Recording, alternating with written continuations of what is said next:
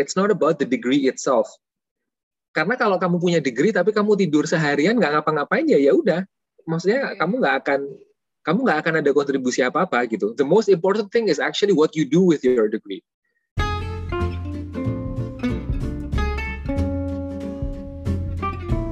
Hi, now you are listening Transfer Talks. In case you haven't know about this channel, it's a series of podcasts presented by Transforme. Designed for anyone desiring motivation and inspiration, we will bring the transformation through this channel. Pagi hari ini uh, kita akan ngobrolin tentang the secret recipe of uh, getting to Oxford and Harvard University. Dua alma mater Mas Rifki ini. Oke, langsung aja Mas Rifki. Gimana sih perjuangannya Mas Rifki lolos dari dua universitas tersebut? Uh, yang jelas perjuangannya ini ya apa namanya perjuangannya uh, dimulai jauh hari sebelum uh, jauh hari sebelum apply bahkan karena hmm? uh, untuk kita bisa apply ini kan uh, tingkat master ya, maksudnya ini kuliahnya kan tingkat master, jadi hmm? jelas yang kita submit itu adalah performance kita selama S1 gitu. Oh, um, okay. Jadi makanya kalau teman-teman di sini masih ada yang kuliah uh, S1 gitu, um, salah satu hal yang yang aku juga selalu nasihat sharing lah ke ke mahasiswaku dan juga mentisku adalah uh, kalau kalian punya mimpi itu uh, kalau bisa you know uh, plan it ahead gitu maksudnya itu itu di direncanakan sedini mungkin lah bahasa bahasa ininya ya bahasa bahasa bakunya tuh maksudnya uh, di, direncanakan sedini mungkin dan uh, bermimpilah uh, sebesar mungkin gitu. Maksudnya aku aku mimpi untuk aku mimpi untuk daftar atau kuliah di Harvard itu bukan setelah lulus dari Oxford baru hmm kayaknya gue bisa nih kuliah di Harvard nih kan gue udah lulus Oxford. Enggak, it's not like that gitu. Aku dulu bermimpi untuk pengen Oxford sama Harvard udah dari kecil bahkan udah dari dari apa ya aku masih kecil ya karena dulu kebetulan aku ngefans banget sama Harry Potter gitu kan. Oh, terus okay. apa? Hmm, kayak itu makanya kayak kalau Oxford wah Oxford kan syutingnya kan di situ terus uh, uh, gitu kan. Terus apa? Uh, kalau Harvard ya obviously you know it's it's the number one university in the world gitu. Jadi apa plesetannya Harvard tuh Hogwarts gitu. Jadi ya anyway apa uh, emang tapi secara serius maksudku aku aku sudah ibaratnya tuh nyari tahu tentang persyaratannya apa sih untuk bisa daftar ke Harvard, Oxford tuh udah secara serius aku dari zaman kuliah Nuzul. Jadi uh, makanya kalau ditanya perjuangannya seberapa lama ya minimal satu dekade dari 2010 aku mulai satu dekade berarti sekitar kuliah. 10 tahun ya mas ya benar-benar dari ya, semester satu ya, bahkan gitu mas maksudnya benar-benar dari awal hmm, kuliah oke okay, aku ya. mau ke sini gitu dari dari awal betul betul dan oh, itu okay. bahkan despite Hmm, dan itu bahkan despite aku sebelum masuk kuliah gagal ujian nasional itu loh yang oh, iya, artikel iya, yang iya. kamu tunjukin itu kan di iya. akhir-akhirnya di, di ini dibuka tuh ternyata oh Mas Rifki ini dulu apa namanya siapa yang nyangka gitu ternyata mm-hmm. hampir nggak lulus SMA karena gagal ujian nasional jadi makanya aku aku apa ya memberanikan diri untuk share itu karena mungkin apa ya banyak dari kita tuh yang ini si nuzul apa uh, udah rendah diri dulu gitu. Jadi kalau aku selalu bilang tuh rendah hati itu baik ya, maksudnya mm -hmm. kualitas rendah hati atau humility atau being humble itu kan bagus gitu ya. Yes. Um, berarti kita menghargai semua orang, kita nggak apa ya nggak menganggap rendah orang lain. Cuman kan kalau rendah diri itu beda cerita. Kalau rendah diri kan berarti ibaratnya kita menilai diri kita tuh lebih rendah daripada value kita sebenarnya gitu atau potensi kita sebenarnya. Hmm. Nah itu yang membuat banyak orang kemudian nggak daftar gitu karena mereka udah mikir dulu, wah siapa sih aku gitu kan? apa hmm. namanya uh, mana mungkin aku bisa keterima di alma maternya Obama kayak gitu.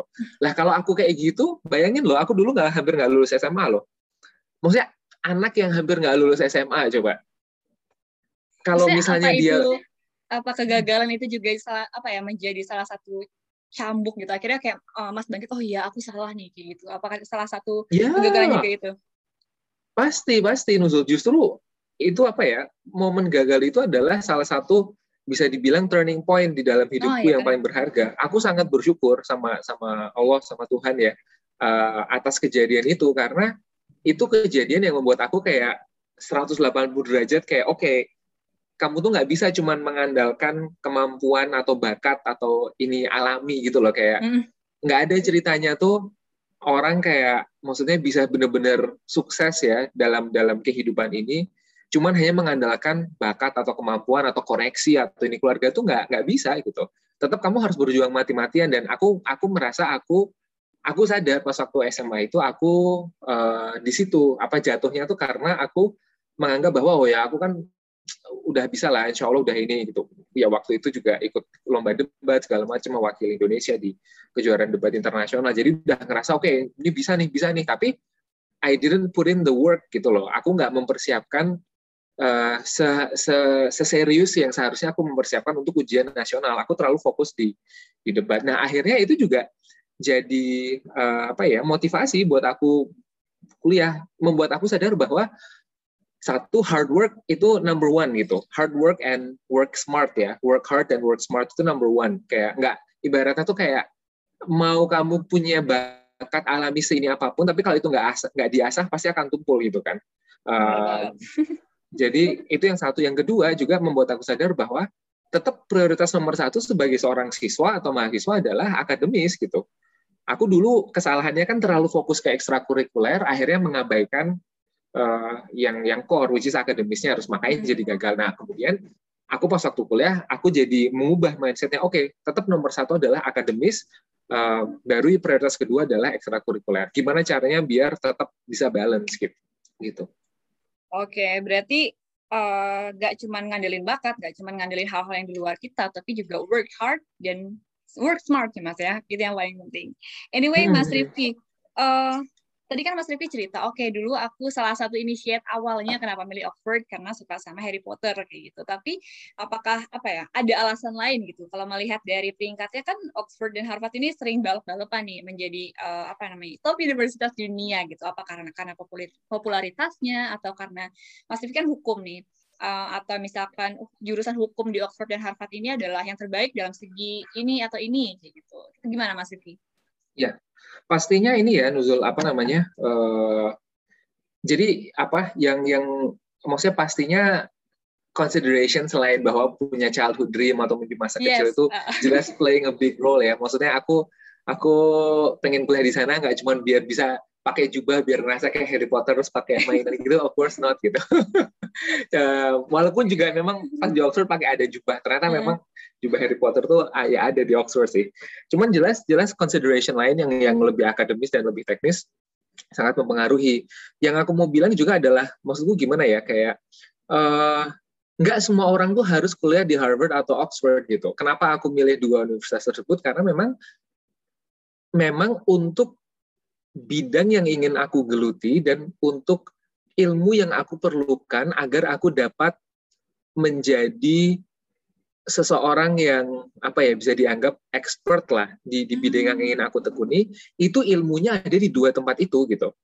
The best professors are there gitu. That's that's the thing. Jadi maksudku ya nggak harus semua orang. Maksudnya kayak bukan berarti kita kemudian mendewa-dewakan uh, institusi atau gelar ya. Karena yang yang aku juga sering sampaikan ke teman-teman adalah bahwa it's not actually about the degree gitu loh. It's not about the degree itself. Karena kalau kamu punya degree tapi kamu tidur seharian nggak ngapa-ngapain ya ya udah. Maksudnya kamu nggak akan kamu nggak akan ada kontribusi apa apa gitu. The most important thing is actually what you do with your degree. Jadi uh, kalau aku ya itu tadi kenapa memilihnya Harvard dan Oxford dan kenapa bahkan bisa dibilang apa rela apa ya mati-matian capek kuliah you know dua kali ambil master dua kali yes. karena memang aku punya idealisme kayak untuk expertise yang ingin aku bangun the best professors are there. Ilmunya itu ada di dua tempat ini gitu. Nah mungkin aku tadi sempat sempat ngasih spoiler di awal bahwa memang bidang yang aku ingin geluti itu kan namanya hukum persaingan usaha atau hukum anti monopoli kalau di Indonesia. Nah lebih khususnya lagi, aku pengen mendalami hukum anti monopoli ini, gimana pengaplikasian hukum anti monopoli atau hukum persaingan usaha di ekonomi digital. in digital markets gitu.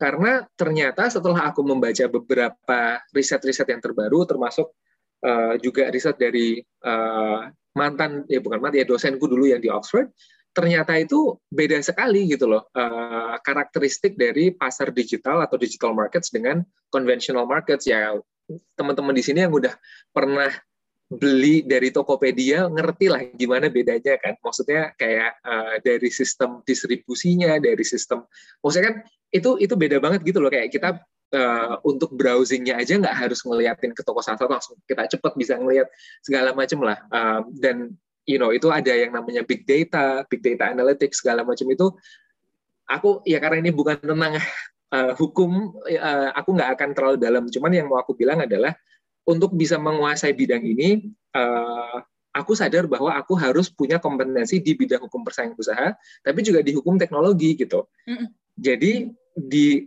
di Inggris di Oxford waktu itu ada salah satu profesor yang paling terkenal di bidang ini namanya Profesor Ariel Ezraki dan beliau memang salah satu yang memulai atau pionir lah untuk melihat gimana hukum persaingan usaha ini itu harusnya diubah dengan uh, uh, dengan bisa dibilang apa ya karakteristik pasar yang berbeda lah di ekonomi digital. Nah, di Harvard itu mereka ada salah satu pusat studi di uh, bagi di, di di bidang hukum teknologi yang sangat terkenal namanya Berkman Klein Center uh, for uh, Internet and Society gitulah. Um, dan itu pokoknya foundersnya itu pokoknya founders directornya orang-orang yang dewa di bidang ini gitu. Nah makanya aku ke Harvard pun juga ingin mendalami salah satunya tentang ini. Banyak actually most of the courses I took tentang hukum teknologi. Jadi aku belajar tentang artificial intelligence, aku belajar tentang digital platform, aku belajar tentang data privacy,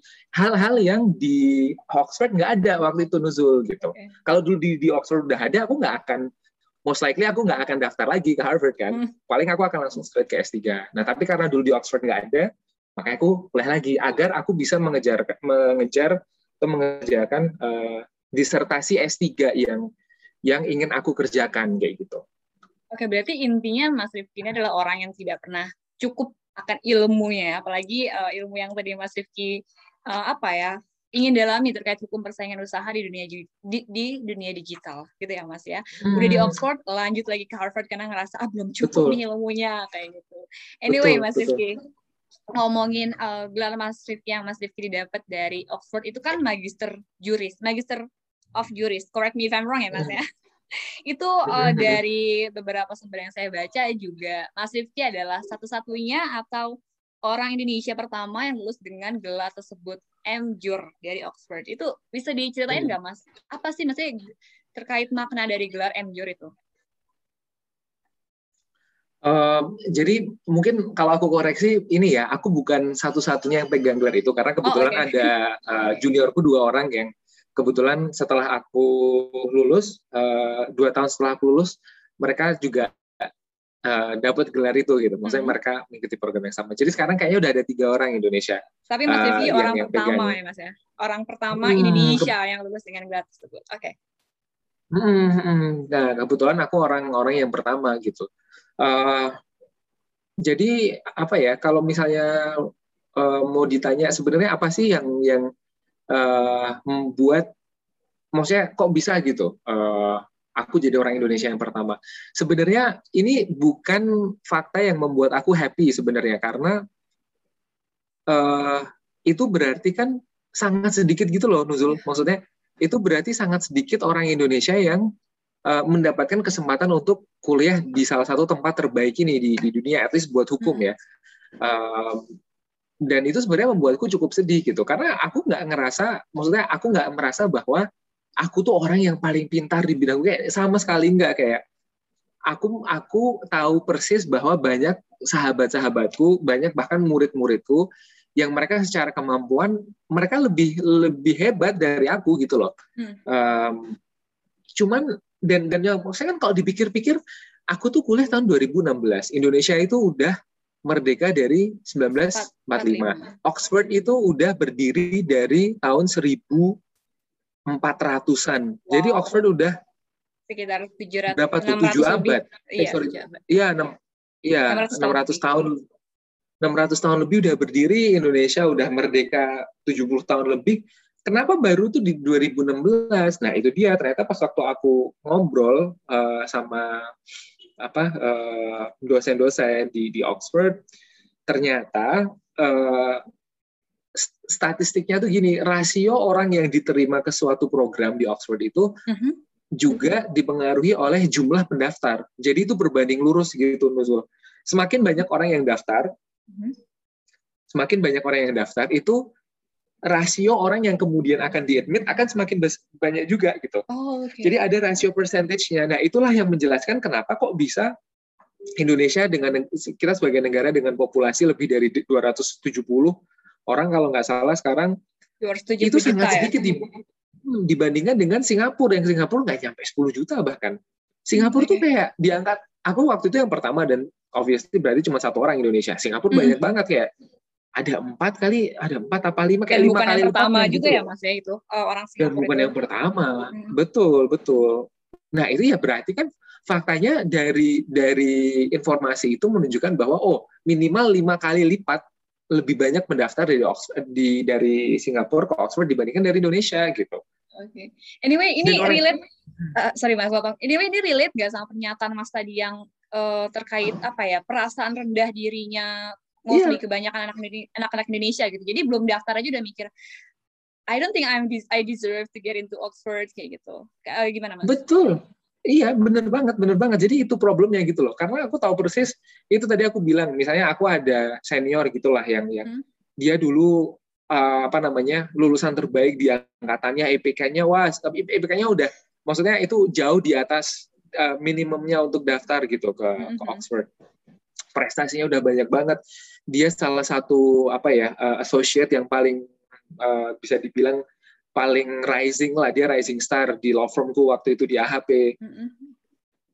Tapi pas waktu aku tanya kayak, eh bang lu gimana apa namanya uh, kan mau kuliah waktu itu. Jadi daftar ke mana aja nih ke Oxford, Cambridge, Harvard dia kayak, aduh nggak lagi siapa gua gitu. Nah. Lo bang, lu tuh lulusan terbaik angkatan lu gitu kayak, lu pendiri ini, lu sekarang di AHP kayak gini, lu minta recommendation dari apa namanya you know managing partnernya Bang Fikri waktu itu pasti juga dikasih recommendation yang glowing yang bagus mm-hmm. banget. Kok nggak daftar bang? Gitu. Aduh ki gue nggak pede ki. Gue apa namanya maksudnya ya mungkin di Indonesia iya cuman gue kan harus bersaing sama dari seluruh dunia pendaftar seluruh dunia. Pasti kan banyak yang lebih dari gue gue takut kalau ini terus kemudian gue udah berharap tapi akhirnya nggak dapet. Nah itu loh kayak sayang banget gitu loh sayang banget. Mm. padahal sebenarnya menurutku kalau dia daftar chance-nya tuh cukup tinggi untuk bisa keterima Nah itu baru satu orang yang aku kenal. Bayangin tuh di seluruh Indonesia pasti banyak gitu loh. Ribuan mungkin orang-orang yang kayak gitu sebenarnya mereka capable. Tapi mereka nggak daftar. Ya akhirnya karena nggak daftar, nggak keterima karena nggak daftar gitu simply ya Mas terima karena ya daftar dulu gitu. Maksudnya prosesnya apa-apa ya nanti dilalui gitu. Tapi ya daftar dulu, yakin dulu sama diri sendiri. Anyway, Mas Rifki di Oxford juga pasti kan eh, nggak uh, sendiri kan satu-satunya orang Indonesia di Oxford kayak gitu. Ada juga Kalau di bidang lain, hmm, bidang lain hmm. banyak ya ada, ada orang lain. Nah, kalau misalkan Mas Rifki juga ngelihat apa ya persaingan atau apa namanya ya kualitas dari orang-orang Indonesia yang uh, sekolah di Oxford juga itu gimana sih Mas? Apa maksudnya ya pas udah nyampe Oxford juga ya tetap aja nggak kalah kayak gitu. Gimana mas? Iyalah iya pasti pasti. Maksudnya itu yang aku juga mau bilang gitu loh bahwa kalau kalau dari pengamatanku orang-orang Indonesia tuh kita tuh nggak kalah hebat. Maksudnya maksudnya kan aku juga sebagai dosen ya kan aku sebagai dosen juga biasa maksudku mengevaluasi mahasiswa lah ya. Misalnya kayak aku nilai mahasiswa jawaban ujian mereka, aku nilai uh, apalah jawaban mereka selama di kelas, pertanyaan mereka selama di kelas, ya aku bisa bilang bahwa ya mahasiswa aku pun juga sebenarnya nggak kalah gitu loh. Sama teman-temanku dulu yang yang yang di sana gitu. Maksudku uh, dan orang-orang Indonesia lain yang di sana pun di bidang lain yang ngerjain S3 di bidang apalah uh, quantum physics lah. Ada tuh temanku orang Indonesia yang ngerjain tentang quantum physics ada yang ngerjain tentang uh, aerodynamic apa ya pokoknya S gitu deh. Pokoknya like super wah gitu banget um, itu mereka nggak kalah hebat gitu loh uh, sama sama orang lain. Dan juga maksudnya orang Indonesia itu bisa berprestasi loh kalau kita memang uh, diberi kesempatan atau memiliki kesempatan untuk kuliah di sana. Ya nyatanya sebelum aku uh, contohnya nih yang yang tahun lalu yang lulus dari Harvard Law School, sahabatku juga Andika, Andika Sudarman. Andika Sudarman ini kan dia orang Indonesia pertama yang di di apa dipilih menjadi class marshal di di Harvard Law School. Terus kemudian dia setelah itu pun dapat lagi award, dia dapat Dean's Award for Community Excellence. Um, jadi maksud gue tuh kayak dan itu peer gitu. Kalau kalau apa namanya uh, untuk award itu tuh harus ada semacam voting atau ininya dari peers lah dari teman-teman seangkatan kayak gitu. Kayak yeah. itu iya. kan berarti dia itu kontribusinya ke angkatannya sangat dihargai oleh diakui, diakui ya sama teman-teman se seangkatan dan oleh fakultas gitu. Hmm. Nadira Afifah lah dapat ini dia juga jadi ini kan si Nadira sama si Andika kan dia jadi apa uh, yang memberi speech pas waktu yeah, graduation. Itu kan kehormatan salah satu kehormatan yang besar gitu. Um, jadi ya gitu nyatanya orang-orang Indonesia itu kalau sudah apa ya berani untuk bermimpi dan berani untuk untuk uh, mendaftar dan akhirnya dapat kesempatan untuk kuliah di sana nggak kalah nggak kalah hebat gitu Berarti semuanya emang dimulai dari kepercayaan diri kita ya Mas ya. Maksudnya orang lain ngelihat kita, oh kamu hebat ini gini, tapi juga kalau misalkan nggak dari kita ya sendiri yang yakin sama kita sendiri juga ya, ya you will know, you will go no, you will go nowhere kayak gitu. Kamu nggak akan pergi ke mana-mana. Oke. Okay. Anyway, Mas Rifki dulu waktu Oxford itu kalau nggak salah dapat beasiswa dari Jardine Foundation ya Mas ya. Hmm. Nah, jadi uh, anyway buat teman-teman yang nggak tahu, Jardine Foundation itu adalah beasiswa yang diberikan untuk mereka yang keterima di University of Oxford juga Cambridge. Nah, itu uh, apa aja sih Mas uh, apa ya maksudnya persyaratannya atau kualifikasinya untuk dapetin Jardine Scholarship waktu S2 di Oxford itu gimana sih Mas? Hmm, iya, jadi uh, ini mungkin yang banyak teman-teman juga apa ya bikin bikin minder gitu buat daftar ke Oxford itu kalau kita ngomong tentang funding gitu, oh, ya. pendanaan. Oh, ya Uh, karena jelas jauh lebih mahal ya, maksudnya kuliah di sana jauh lebih mahal daripada di, di, di Indonesia dan memang bahkan dibandingkan beberapa universitas yang ada di negara itu, itu juga cenderung lebih, maksudnya bisa dibilang itu lebih mahal. Maksudku kuliah di Oxford itu dibandingkan beberapa universitas lain di Inggris pun uh, tuition fee-nya lebih tinggi gitu. Oh, um, dan sama juga Harvard, apalagi Harvard ya, karena mereka kan uh, apa namanya uh, ya private inilah private university dan dan uh, emang sangat terkenal sangat mahal gitu. Jadi mungkin banyak teman-teman yang ngerasa kayak wah kalaupun aku bisa daftar gimana nih fundingnya gitu kayak aku mau duit dari mana gitu. Uh, buat gambaran aja kayak contohnya tuition fee ku dulu di Oxford 25 ribu pounds dengan rate course sekarang 20 ribu lebih berarti itu sekitar 500, 500 juta. juta lebih. Hmm, belum sama apa namanya uh, living you know living, living allowance dan segala living cost. Nah, kalau di Harvard kemarin itu $68,000 dollars dengan rate dolar sekarang berapa ya? 13 ribu apa 14 ribu ya? Uh, itu berarti mungkin hampir 800-an juta. Ya, hampir satu uh, miliar untuk di sana hmm. aja hidup di sana ya mas ya. Hmm, baru itu baru tuition fee-nya tuh belum sama living cost dan segala macam. Hmm. Obviously jelas aku sebagai dosen yang masih junior, I have nowhere near that much money gitu loh. Kayak tabunganku tuh jauh maksudnya jauh-jauh nggak akan mungkin cukup untuk bisa kuliah ke satu aja nggak nggak cukup apalagi buat kedua gitu. Nah, yang mungkin juga teman-teman nggak tahu ternyata bahwa scholarship itu nggak cuman dari pemerintah gitu. Hmm. Maksudnya selain dari LPDP, selain dari Chevening, selain dari Fulbright, ternyata universitas-universitas ini tuh juga punya loh skema-skema beasiswa yang internal sifatnya. Nah itu termasuk salah satunya Jardin gitu Nuzul. Apa namanya? Uh, aku alhamdulillah kuliah di Oxford sama di Harvard full beasiswa ya. Aku nggak aku nggak tahu somehow beredar uh, isu kayak wah ini Mas Rifki apa namanya uh, membiayai kuliahnya sendiri wah lebih bagus ya sebenarnya ceritanya kalau beasiswa. Terus aku batin kayak kalian tuh doanya bagus banget ya aku bisa punya duit sebanyak amin, itu kayak gitu ya mas ya ya amin deh di masa depan gitu cuman kayak apa obviously you don't know me gitu. Kayak kalian tuh nggak tahu nggak kenal ya. Maksudnya kayak tentang Mas Rifki nih kalau ngomong kayak gitu ya. Iya belum searching tentang dan dan nggak tahu. Maksudnya itu nggak masuk akal gitu loh. Kayak kak apalagi juga aku juga bukan dari keluarga yang yang gimana gimana kan. Bapak ibuku juga dosen gitu. Um, so ya yeah, my point adalah bahwa uh, scholarships itu uh, banyak opportunitiesnya dari dalam atau dari uh, internal universitasnya itu bahkan hmm. um, apa ya kayak uh, bisa dibilang jumlahnya itu maksudnya dalam arti bukan jumlah duit yang uang yang didapatkan tetapi uh, jumlah tipe beasiswa yang ada itu banyak banget. jauh banyak jauh lebih banyak daripada yang teman-teman bayangkan gitu um, apa namanya macam-macam deh ininya uh, tipe-tipenya ada yang uh, ada yang full ada yang untuk gitu ya mas ya? Uh, ada yang full ada yang partial ada yang buat living allowance-nya aja ada yang buat tuition fee-nya aja. Jadi hmm. pokoknya macam-macam banyak banget deh tipe-tipe beasiswanya gitu. Um, nah kalau kita ngomong tentang Jardin memang Jardin itu khusus. Jadi Jardin Foundation itu uh, yayasan atau foundation yang didirikan oleh uh, Jardine Matheson Corporation itu uh, sebuah apa ya ya kayak uh, konglomerasi lah bis, bisnis um, company yang yang mereka based di Hong Kong dan punya operations all over Asia gitu. Terus mereka kebetulan memang pendirinya Jardine Matheson ini uh, itu orang-orang yang lulusan uh, sorry Oxford sama Cambridge. Jadi mereka oh, mendirikan okay. beasiswa itu khusus untuk orang-orang yang berasal dari negara mereka melakukan bisnis yang keterima di Oxford atau Cambridge. Jadi memang salah khusus satunya kedua. Indonesia ya Mas ya.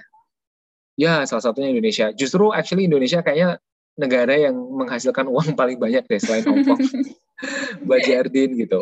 Uh, jadi kalau ya gitu sih, kalau misalnya ditanya itu buat S2 juga atau S3 S Mas waktu itu S2 ya Mas ya? Itu buat S2 aja ya, atau S1, S2, S3? S2, S1, S2 dan S3 actually. Oh, S1, okay, S2 dan ya. S3. Semua. Oh. Jadi bahkan dari S1 pun juga ada walaupun mungkin memang lebih sedikit jumlahnya ya. Hmm. Karena kayaknya agak relatif jarang orang Indonesia dari S1 udah mau pergi keluar itu kayaknya uh, cukup jarang, cukup rare gitu. Um, nah, kalau dari persyaratan dan segala macam, Uh, jadi Jardin ini ada dua skema sebenarnya. Ada skema yang umum yang regular itu uh, apa? Harus kita harus udah keterima dulu, jadi udah harus dapat letter of acceptance dari Oxford atau Cambridge. Nanti baru setelah itu bisa uh, daftar gitu uh, hmm. ke Jardin. Syaratnya LOA berarti ya, Mas? Ya, itu yang regular scheme. Ya, LOA salah satu ininya ya, persyaratan. Nah, uh, ada skema lain yang memang itu available untuk uh, kalau nggak salah dua universitas di di Indonesia yaitu UGM sama ITB kalau sekarang. Jadi itu ada emang hmm. skema khusus buat UGM sama ITB. Jadi uh, untuk yang UGM scheme atau ITB scheme ini sebelum bahkan daftar ke Oxford udah bisa daftar uh, ke Jardinnya. Nah nanti okay. apa daftarnya ke Jardinnya dulu. Terus kalau udah confirm sebagai finalist, nanti Jardin akan membantu untuk daftar kayak gitu. Oh, Jadi okay. dia akan bantu proofreading, dia akan ngasih uh, ini buat apa apa funding buat juga IELTS segala macam. Mm -hmm. Dia biaya untuk pendaftarannya gitu akan di cover. Mas Rifki kan dulu S1-nya di UGM ya Mas ya. Berarti Mas masuk uh, ke skim yang kedua tadi yang khusus buat uh, apa namanya UGM dan ITB. Nah, tapi kalau misalkan teman-teman juga ada yang uh, mikir kayak, oh ya udah berarti uh, Mas Rifki ada privilege sedikit nih, gara-gara dari universitas yang bisa dibilang cukup apa ya, uh, cukup uh, terkenal, bukan terkenal aja sih, tapi kualitas juga bagus gitu, UGM dan ITB kayak gitu. Nah, berarti untuk mahasiswa-mahasiswa dari kampus lain juga sebenarnya ada kesempatan buat dapetin Jardin uh, scholarship, tapi masuknya ke yang skim satu ya, Mas tadi. Iya, cuman ya sebenarnya gini sih, Nuzul, kalau mau dibilang privilege, ya ini topik yang sangat cukup polemik ya karena dan polemik benar. iya, karena menurutku kadang-kadang uh, sorry to say orang orang kita agak latah ya. Jadi mereka mendengar konsep ini kan sebenarnya diomongin kan banyak di Amerika dan konteksnya tuh race, racial oh, okay. privilege gitu. Maksudnya kita hmm. bandingin antara orang white male Americans compared to misalnya yang minority, misalnya African Americans. Sebenarnya konteks awalnya tuh itu gitu. Cuman terus orang Indonesia latah taking it a little bit out of context dan semua semuanya itu sekarang dipakai gitu kayak uh. ini dikit wah ini privilege ini dikit privilege jadi ini sebenarnya ada hal-hal yang aku kurang kurang setuju lah dengan cara orang uh, memandang ini gitu. Hmm, but anyway ya apa uh, poinku tapi kalau kalau maksudnya kayak just to get this privilege thing out of the way ya. Maksudnya kalau kita ngomongin privilege, actually technically semua orang yang misalnya satu mereka nggak lagi dalam situasi perang kita nggak lagi Ah. kondisi konflik. Yes. Dua, kita bisa akses internet. Tiga, kita bisa akses kesehatan. Technically semua orang yang bahkan memiliki tiga ini itu udah privilege dibandingkan misalnya orang yang di Afghanistan, di Irak, di Iran, di Palestine, di Israel, kayak gitu loh. You know Oh, what I yeah. mean kan? Maksud gue Yes, kayak, yes, jadi kadang-kadang aku agak gatal gitu kayak, ah ini kan punya privilege. Lah Anda ini ngetik komen di Instagram menggunakan Pakai internet yang HP. broadband, pakai HP smartphone yang Yes. harganya 10 juta, apa enggak? Bilang apa Anda enggak? nggak punya privilege kayak gitu.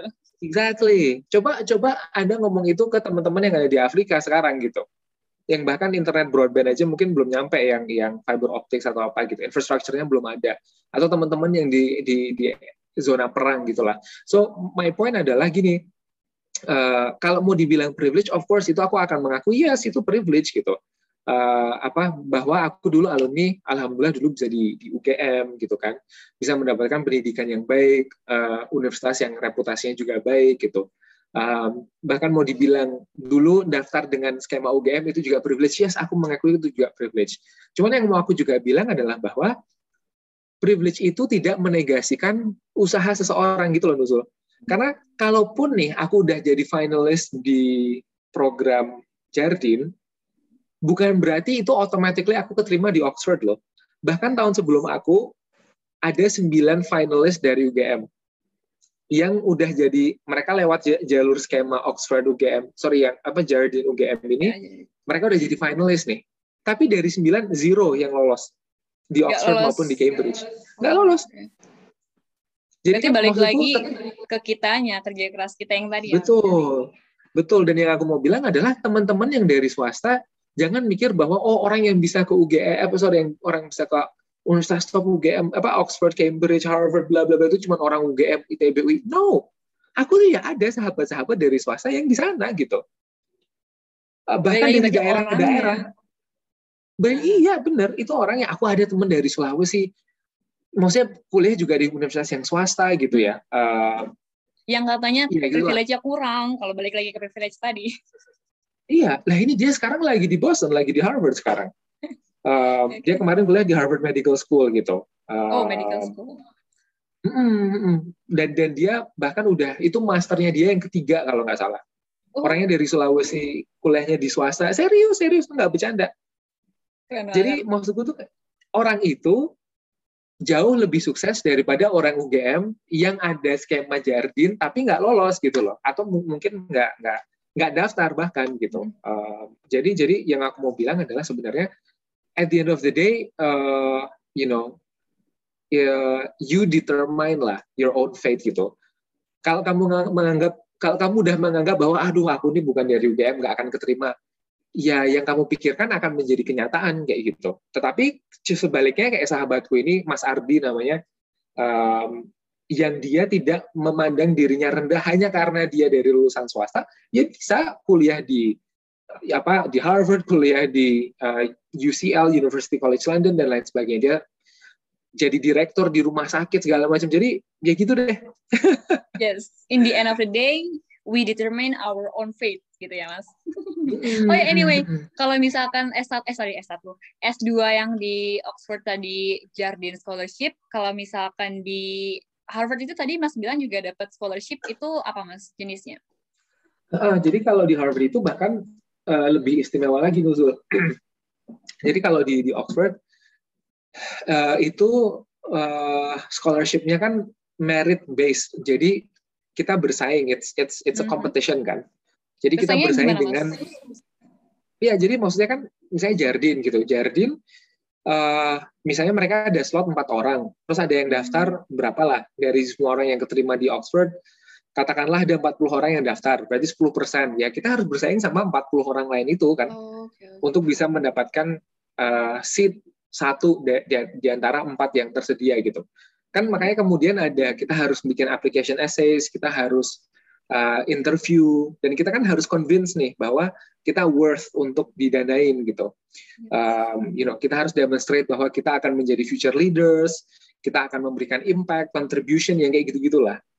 Um, nah kalau di Harvard itu bukan bukan berdasarkan merit based atau competition ya kita kita nggak bersaing untuk mendapatkan scholarship-nya. At least kalau yang uh, beasiswa aku kemarin karena kalau di Harvard itu sistem beasiswanya itu needs based. Jadi bukan merit based. Needs based. Jadi needs based itu berdasarkan kebutuhan finansial dari pendaftar. Nah, makanya namanya itu sebenarnya uh, programnya itu financial aid. Berarti kan dapat bantuan dari bantuan. Oh, berarti dapat bantuan dari Harvardnya langsung, Mas. Exactly, exactly. Oh, Karena okay. mereka berpikirnya adalah gini, semua orang yang bisa keterima di Harvard adalah the best and the brightest. Mm, that's right. Udah nggak diragukan lagi kualitasnya. Semua orang yang bisa keterima Harvard itu semuanya qualified, semuanya hebat, semuanya punya potensi yang besar kayak gitu.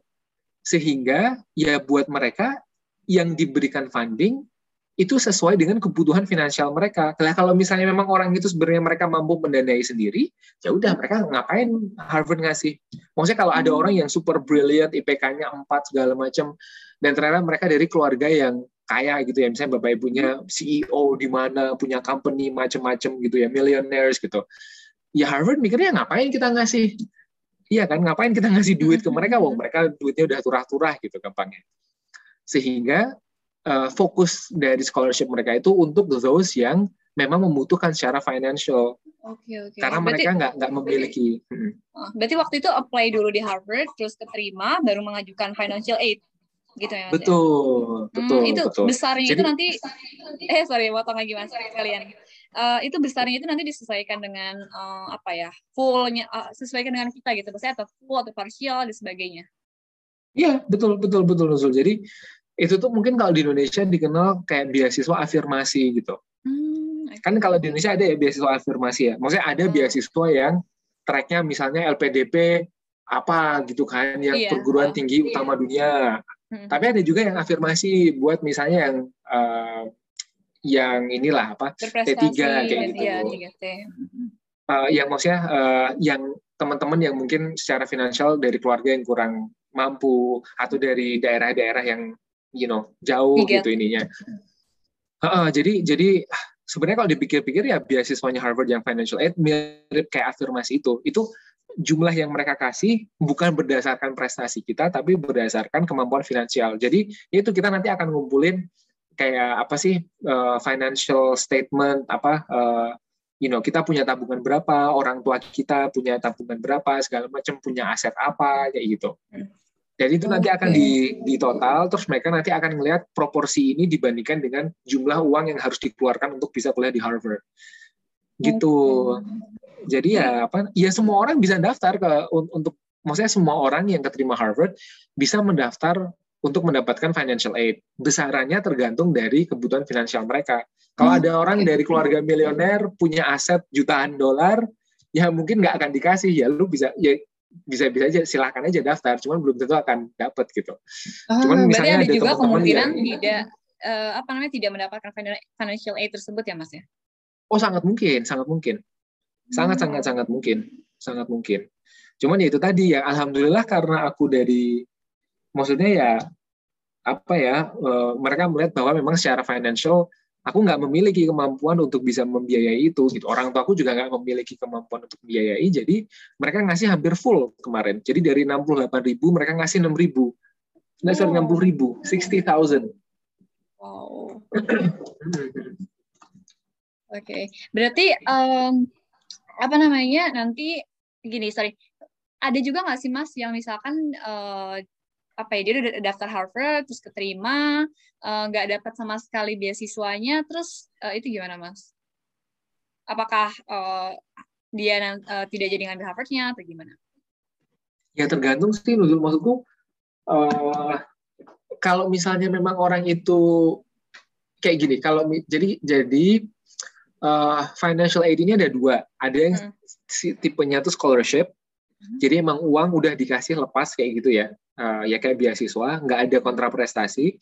Uh, ada yang tipe kedua itu loan, karena kan kalau di oh, Amerika itu sebenarnya cukup, ya cukup cukup cukup lumrah lah, cukup umum bahwa uh, untuk bisa ambil kuliah yang uh, graduate study itu uh, ngambil loan kayak gitu. Uh, hmm. Jadi jadi bisa mix apa namanya misalnya oh oke okay, apa namanya kamu kita offer misalnya empat puluh ribu loan, terus kita offer lagi, sorry, 40 ribu scholarship, 40 ribu loan, kayak gitu. Atau 20 ribu scholarship, 60 ribu loan. Jadi bisa bisa macam-macam ininya. Okay. Cuman yang jelas, kalau misalnya memang secara financial benar-benar kamu menunjukkan kamu membutuhkan itu, kayaknya hampir nggak mungkin mereka nggak nge-offer sama sekali gitu.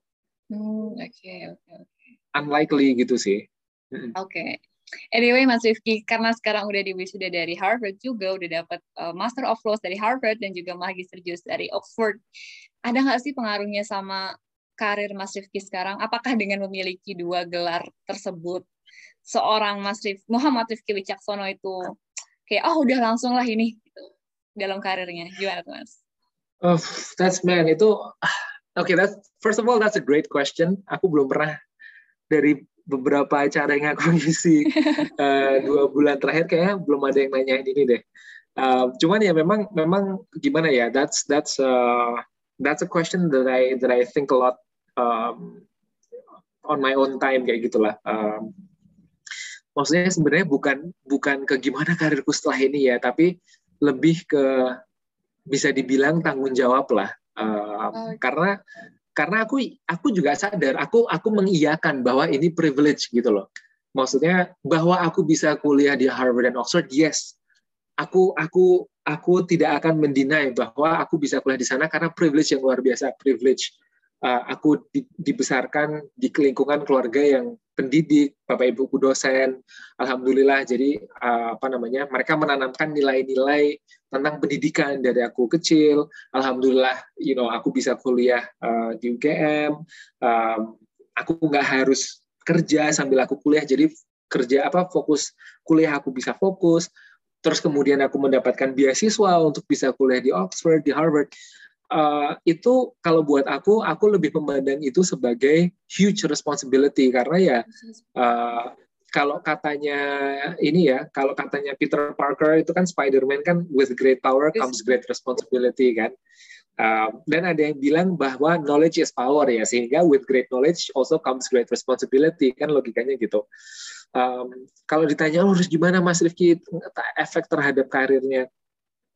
Kalau aku sih apa ya uh, di saat ini aku nggak memandang kayak dan ya semoga ya aku aku nggak ingin memandang bahwa hanya karena aku memiliki degree ini maka hidupku udah akan lempeng-lempeng nah, aja beres-beres aja. Pasti berhasil semua pasti akan berhasil. No aku justru membuang pikiran itu jauh-jauh dari dari kepalaku karena lagi-lagi yang aku mau tekankan adalah it's not the degree, it's what you do with your degree, it's what you do with the knowledge you gain yang yang that matters kayak gitu gitu loh. Um, ya kamu mau kuliah dari Harvard dari Oxford, kalau kamu nggak menghasilkan manfaat, kamu nggak contribute, ya ya nggak ada hasilnya gitu.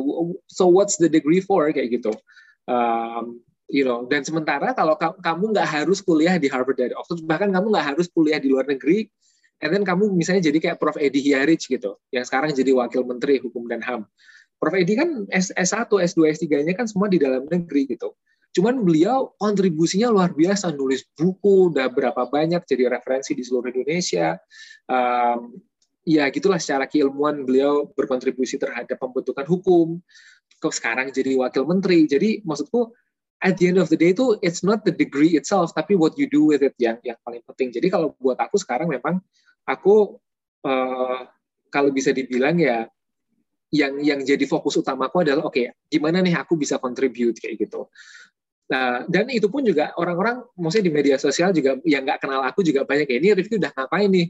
Emang apa nih kontribusinya buat Indonesia? Ya aku nggak aku nggak nggak tersinggung baca itu ya itu menjadi pengingat ya nih aku apa nih kontribusinya buat Indonesia? Gitu. Walaupun aku nggak harus buka ya aku nggak aku nggak harus setiap kali diminta pemerintah bantuin ngapain aku post Instagram aku aku nggak nggak nggak seperti itu gitu. Cuman itu pengingat diri sendiri bahwa uh, ya at the end of the day ilmu itu hanya akan bermanfaat kalau uh, ada ya, kontribusinya gitu lah. Hmm, ada aplikasinya di, di di dunia nyata. Jadi ya bisa mungkin kalau aku diminta pemerintah ada kementerian yang minta aku bantuin sesuatu uh, ada masyarakat yang minta aku bantu sesuatu ya aku sebisa mungkin uh, ya giving back gitu sih. Uh, gitu sih. Oke langsung aja nih kita ke apa namanya las las apa ya terakhir pesan pesan terakhir pesan terakhir. Uh, kesan dan pesan terakhir untuk teman-teman uh, yang hadir hari ini ataupun nanti teman-teman yang nonton lagi uh, video kita hari ini. Apa sih uh, pesan dari Mas Rifki uh, buat teman-teman di luar sana yang lagi ngejar cita-citanya baik itu dalam bidang akademik dan sebagainya? Gimana Mas? Ya uh, ini pesan yang apa ya aku aku selalu sampaikan sih setiap setiap ada kesempatan untuk berbicara tentang uh, sekolah lebih lanjut atau um, tentang ini ya tentang ya motivasi dan dan yes. dan lain sebagainya. Um, yang yang ingin aku sampaikan jelas adalah bahwa uh, itu teman-teman harus berani bermimpi gitu. Itu pentingnya pentingnya uh, berani untuk bermimpi. Bahkan ada uh, quote um, saya lupa dari siapa, tapi quote-nya itu bilang intinya, if your dreams don't scare you, they're not big enough. Kalau mimpimu itu nggak membuatmu takut tuh berarti mimpimu tuh sebenarnya kurang besar gitu. Um, nah, yang apa ya uh, dalam hal ini maksudnya takut itu bukan berarti terus kemudian kita terus nggak jadi nggak nggak jadi mau bermimpi itu ya. Uh, tetapi dalam hal ini maksudnya takut itu membuat kita aduh agak aduh ini gimana ya? Bisa nggak ya? Bisa nggak ya? Gitu. Nah um, ya pesan saya itu uh, you know dream big uh, bermimpilah yang besar teman-teman. Uh, um, karena uh, sebenarnya itu apa ya kalaupun kita nggak mencapai target yang kita awalnya inginkan itu paling nggak uh, ya itu kita bisa apa kalau katanya Bung Karno itu kan bermimpilah setinggi langit kalaupun nggak nyampe kalaupun kita tidak mencapai itu kita masih di antara bintang-bintangan gitu ya. Um, dan kalaupun gagal pun juga it's okay karena failure is not our enemy. Kegagalan itu bukan bukan musuh kita yang justru musuh kita adalah ketakutan atas kegagalan dan ketakutan untuk bermimpi gitu. Nah jadi uh, pesanku buat teman-teman itulah ber, beranilah uh, bermimpi kayak gitu um, karena itu uh, Indonesia ini kita membutuhkan orang-orang yang yang berani bermimpi dan orang-orang yang uh, rela buat buat jatuh bangun lah untuk untuk mencapai mimpi-mimpi uh, mereka gitu. Oke, okay, thank you Mas Rifki. Berarti uh, berani bermimpi, tapi juga jangan takut untuk gagal, gitu ya Mas ya. Hmm, Mas Rifki, yeah. thank you so much udah uh, 60 menit lebih akhirnya sama kita ngobrol-ngobrol di pagi hari ini. Buat teman-teman juga makasih banyak banget, sehat-sehat selalu, apalagi di masa-masa pandemi seperti sekarang. Uh, anyway, kalau misalkan tenang aja, ini nggak akan menjadi kali terakhir kita ngobrol-ngobrol sama Mas Rifki. Insya Allah ke depannya kita bakal ngobrol-ngobrol lagi. Dan uh, buat teman-teman yang udah ikut sigap juga, atau misalkan yang kemarin udah daftar untuk uh, datang ke opening sessionnya sigap, nanti uh, insya Allah akan ketemu Mas Rifki lagi. Mas Rifki kemarin udah kita tawarin menjadi salah satu trainer kita ya Mas ya untuk program sigap ya Mas ya. Jadi insya Allah nanti teman-teman yang ikut sigap ketemu lagi sama Mas Rifki. Uh, that's all from uh, Transform Mind episode 3 hari ini. Terima kasih buat teman-teman yang udah datang. Uh, have a good day, have a great weekend, and dadah semuanya. Thank you. Thank you for listening our podcast. Don't hesitate to reach out to us on our Instagram transformi.id or on our website www.transformi.id.